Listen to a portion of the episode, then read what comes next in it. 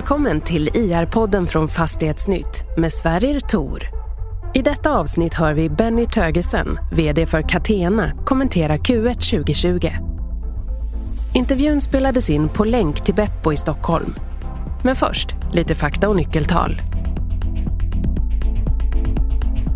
Catena AB är ett fastighetsbolag som främst förvaltar logistikfastigheter på olika håll i Sverige. Vinsten för första kvartalet 2020 hamnade på 157,3 miljoner kronor efter skatt, vilket motsvarar 3 kronor och 81 öre per aktie. Driftnettot blev 249,1 miljoner kronor och förvaltningsresultatet 177,4 miljoner kronor. Överskottsgraden hamnade på 79,1 procent. Bolaget äger fastigheter till marknadsvärde 16,9 miljarder kronor och har ett eget kapital på 6,5 miljarder. Soliditeten är 35,1 procent, räntetäckningsgraden 4,1 gånger räntekostnaderna och belåningsgraden är 54,6 procent. Långsiktigt substansvärde är 208,16 kronor per aktie. Catena är börsnoterat med en 70-procentig free float och bolagets VD är Benny Tögersen.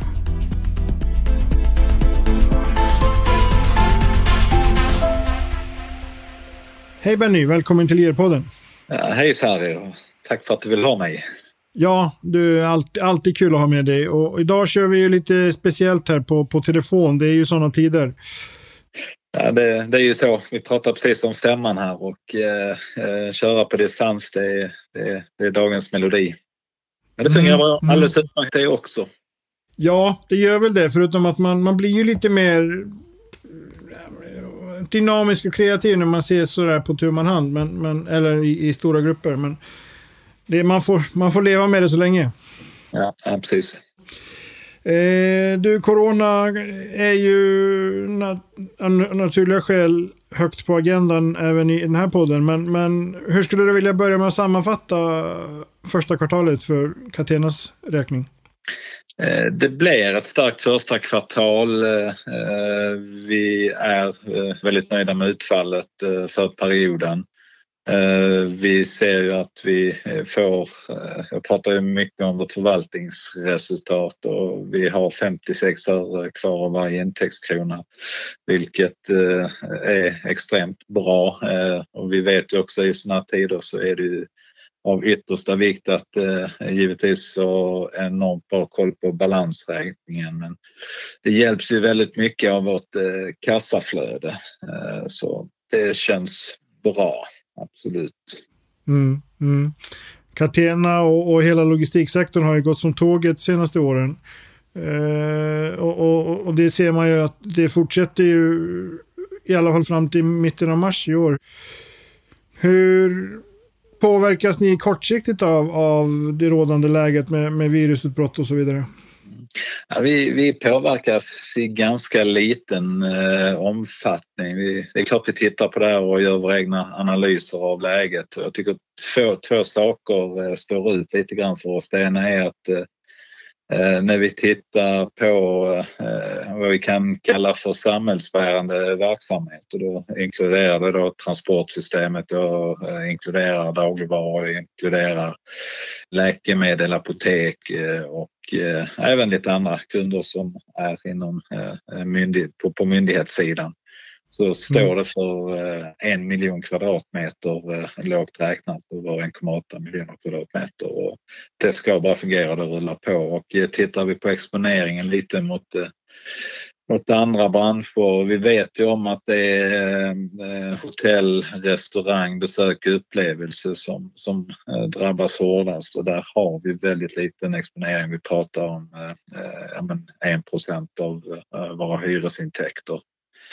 Sen har vi det här som är lite mer indirekt, eh, sport, mode, fritid. Där är vi exponerade eh, ungefär 3,5 procent gentemot eh, eh, svensk handel. Men i det stora hela så eh, är jag eh, trygg på den korta banan. Samtidigt om vi förlänger det och detta här drar ut på tid så kommer vi också att bli drabbade i någon mening med någon omfattning. Men på det stora hela så känns det bra. Vi står starkt och stabilt i, i, i läget som det ser ut eh, nu. Okej, okay. du nämner ju i vd-ordet att ni har, ni har hyresgäster som påverkas och det är då de här 4,5 procent du nämnde ungefär sam sammanlagt? Ja, ja, precis. Men då ska vi ändå betänka att även om det är 4,5 procent så, så pratar vi i första hand om ett kvartal och sen pratar vi bara om en eh, liten delmängd av den här eh, delmängden så att säga. Så det... Mm, mm. Men alltså finns det någon risk att det här kommer spilla över på något sätt? Att det blir, kanske inte att de andra branscherna drabbas direkt, men att det blir någon form av följdeffekter som påverkar andra branscher. När, det har ju varit ett av problemen som har uppstått ganska tidigt i samband med corona är ju att försörjningskedjorna har ju varit lite bräckliga. Ja, eh, det har de ju varit, men samtidigt eh, där vi verkar eh, inom eh, svensk eh, handel i väldigt hög utsträckning, där har det ju fungerat. Tittar vi på eh, eh trafiken eh, lastbil eh, genom eh, Europa så har ju gränserna haft prioritet och har du då mat och dagligvaror så har du haft en sån här 15 minuters gräns reglerat från EU-håll så vi, mm. vi, vi har faktiskt inte känt av det i någon större utsträckning. Eh, vi vet också att Kina har kommit igång, Göteborgs hamn fungerar väl. Och så. Det, det, det har, mm. Jag tror det har varit mer orienterat mot eh, industrin och på samma sätt där, där har vi väldigt liten exponering. Men klart mm. på den stora banan så är det ju någonting att, vad ska man säga, tänka på över tid hur man hanterar om vi landar i sådana lägen. Mm, mm. Jag tänker att vi kommer in på det här med eh, vad som hände med logistiksektorn lite senare i podden. Men alltså ni, ni gick ju ut med det ganska tidigt under den här processen att ni kommer avvakta med projektet i, i Eskilstuna, Coop Logistik. Är det några andra projekt som ni, ni behöver sätta på is eller, eller till och med försvinner? Nej, inte, inte mig veterligen här och nu. Eh, Tittar vi på eh, transaktionsmarknaden så ser vi att eh, det är väldigt mycket som är eh, pausat.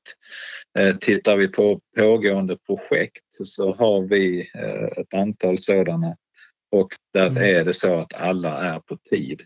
Eh, de avvikelserna som vi ser de, de, de är inte på vår sida utan det är eh, några av de här ska installera lite automation och där har då automationsleverantören och deras installationsgäng eh, inte kunnat ta sig till, till, eh, till Sverige för att, eh, för att köra eh, själva installation och driftstart.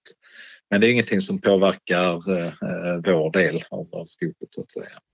Okej, okay, okej. Okay. Om man bara, alltså i bygget av en fastighet, hur, hur omfattande är den biten? Installationen och automa automation? För det blir ju allt mer komplicerade strukturer vad jag förstår. Ja, det, det, det, är där, det är storlek och komplexitet som definierar givetvis eh, hur stor del av tiden tar. Men det kan, det kan ta allt ifrån någon enskild vecka till eh, någon månad installationsarbete. Är det riktigt stora projekt så kan det ta, ta ut något mm. år. Men det är, inte, det är inte där vi befinner oss i de här eh, fastigheterna. Okej, okej. Eh, ni, ni gör ju ett starkt första kvartal, eh, vilket framgår ju med, med all önskvärd tydlighet av rapporten. Det är starka nyckeltal och, och fastighetsbranschen i stort har ju presterat väldigt bra under första kvartalet. Men ni, ni, det, det står i rapporten att ni, ni har ändå behövt alltså hyresreduceringar om 5 miljoner eller, eller liksom hyror som, som förloras. Hur, hur ser ni liksom, hur ser det ut nu? Om, om du kan ge en inblick i hur det har gått under Q2 här, att få in hyrorna? Eh, om jag uttrycker mig så här så eh, vi har en väldigt liten eh, del där vi inte har överenskommelser på eh, och där vi inte har fått in eh, eh, hyresintäkter. Men det, det, är på låga nivåer. Det är eh, ental miljon och eh, mindre än eh, handens fem fingrar. Okej, okej. Okay, eh, men, men, har du någon, någon sådär oro för att ni kommer behöva skriva av hyresintäkter längre fram? Det, det är, man börjar ju prata om att Q3 är den där det börjar liksom bränna ordentligt. Ja. Eh, något litet kommer vi säkert att eh, få göra. Eh, men som sagt var, titta på exponeringen och, och, och jag kan inte guida framåt. Eh, eh, men det är klart, något, något, något litet kommer att dyka ut. Mm, mm. Eh, du har ju nämnt att transaktionsmarknaden är, är lite eh, trång och, och, projekten går de flesta enligt plan. Alla. Eh, alla enligt plan. Eh, Catena har ju vuxit mycket senaste åren. Ni har ett fastighetsvärde på drygt 16 miljarder numera. Eh, hur, hur viktigt känns tillväxt i, om, om du tittar på samhället i stort idag? Ja, men tittar i Konjunkturinstitutets senaste prognos eh, pekar på minus 7 procent eh, eh, Sverige. Och, eh, jag, jag, jag, jag, vi tänker så här att eh, tillväxten i sig eh, står inte eh, i, i första rummet. Vi säger att vi ska ha en eh, hållbar affär. Då gäller det att tänka över tid, ha järnkoll mm. på vår balansräkning, ha järnkoll på på vårt eh, kassaflöde. Sen vet vi också det är sådana här tider som eh, de, de bra möjligheterna kan uppstå och då, då hanterar vi det där och då. Och det, det ska vi göra med, med klokskap. Eh, men mm. på en direkt fråga så eh, är det inget, vad ska säga, vi kommer aldrig att riskera vår verksamhet på grund av ett tillväxtmål. Okej, okay, okej, okay, okej. Okay. Jag tänker när vi, när vi går in på att prata logistikens framtid, för det är ju... Jag, du, du är ju en, en logistiknörd Benny, så det är kul att prata med dig om sådana saker. Men, men en, en viktig fråga är alltid finansieringsfrågan i, i fastighetsbranschen. Och, och det skriver i vd-ordet att det, det ser stabilt ut nu. Ni, har, ni är inte beroende av kapitalmarknaden i den omfattning att ni behöver känna någon oro just där. Men hur, hur hur stabilt är det på lång sikt? Alltså, för det är ju det är en fråga som är väldigt viktig för, för branschen just nu. Hur, hur ser det ut om det här nu blir ännu långdragnare, coronaläget? Det, å ena sidan sett så är det ju att eh, eh vakta kassaflödet som jag pratar om, att ha koll på eh, intäkt och kostnadssidan eh, löpande. Eh, vi har bra marginaler när det gäller våra kovenanter och eh, det får vi eh, se till att fortsatt ha. Mm. Eh, vi har eh, faciliteter, vi har backupfaciliteter eh, och eh, vi kan, ja, vi kan komma åt pengar den vägen och ytterst är det ju att ha den bra, både tilliten och den riktigt bra relation med banksystemet som, som trots allt är den viktigaste leverantören och utposten i systemet. Mm. Eh, som du vet så vi, vi, vi kör ju, vi har kört tryggt och kanske till och med lite fegt kan vissa tycka men eh, vi, vi förlitar oss i stor utsträckning till banksystemet och allt vi har är säkerställt. Okej, okay, så det känns tryggt nu antar jag? Ja. Mm. Då så, ska vi ägna de sista minuterna åt, åt uh, logistiksektorn och, och liksom, för det är ju som jag nämnde innan, det en, en av de första bekymren som uppstod i samband med att, att corona bröt ut i Kina var ju att försörjningskedjorna för, för svensk industri på, på ISAS-varor från, från Kina fungerade ju inte. Och det ligger väl i någon mån till grund för att det har blivit produktionsstopp under, under den här perioden. Eh, det, ja, det finns ingen redundans verkar det som i systemet heller. Vi har ju pratat om, om apotekskaset i en tidigare podd som uppstod i höstas. Alltså, hur känsliga är de här försörjningskedjorna? Bör man inte bygga ut dem på något sätt för att just slippa det här? Ja, men det är en, det är en intressant fråga det där. Eh, eh, jag tänker så här att eh, som, som, vad ska man säga, som tillverkare av någonting så gäller det ändå att, att skapa någon form av redundans så att det finns alternativa lösningar i systemet.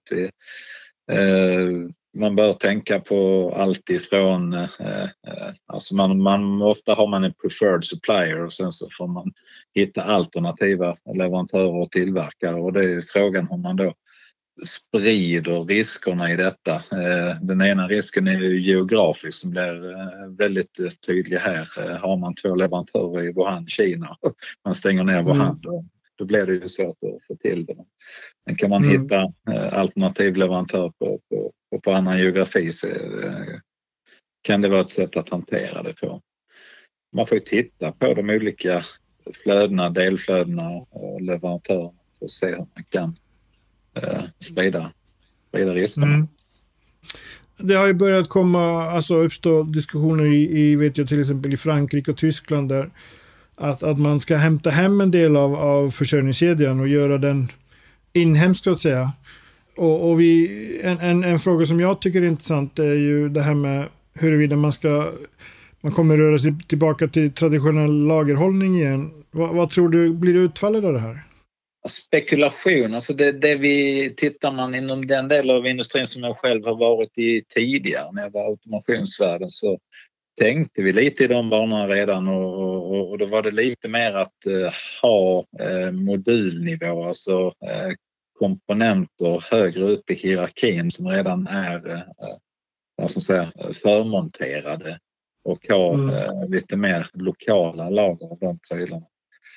Ska man kunna hantera eh, nästa steg neråt i strukturen eh, för tillverkning och monteringar, men då måste man ha det tillgängligt närmare också. Sen kan jag låta bli att tänka, det behöver inte vara superlokalt i bemärkelsen att det behöver eh, ligga på lagret på fabriken eller eh, kanske för den sakens skull i Sverige utan jag tror ändå att eh, man kan ha mer regionala lager och då menar jag regionala lager på exempelvis europeisk nivå. Eh, så att mm, man, mm. man, man ändå sprider graserna lite grann.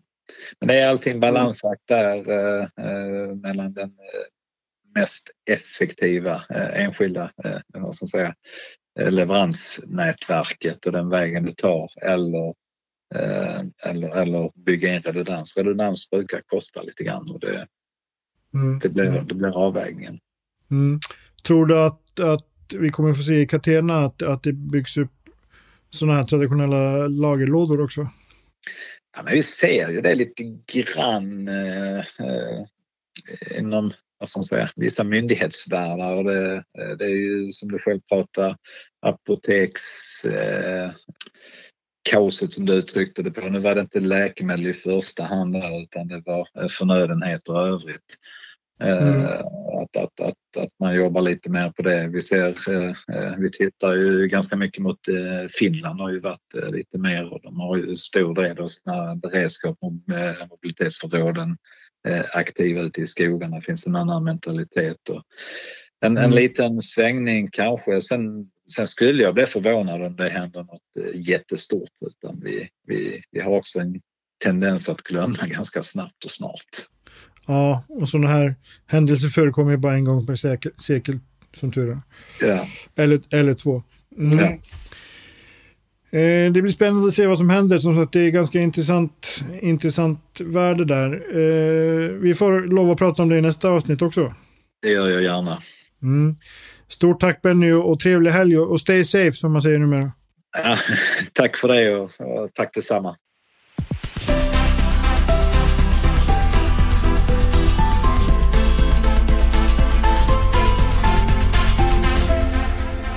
Det här programmet görs på Beppo.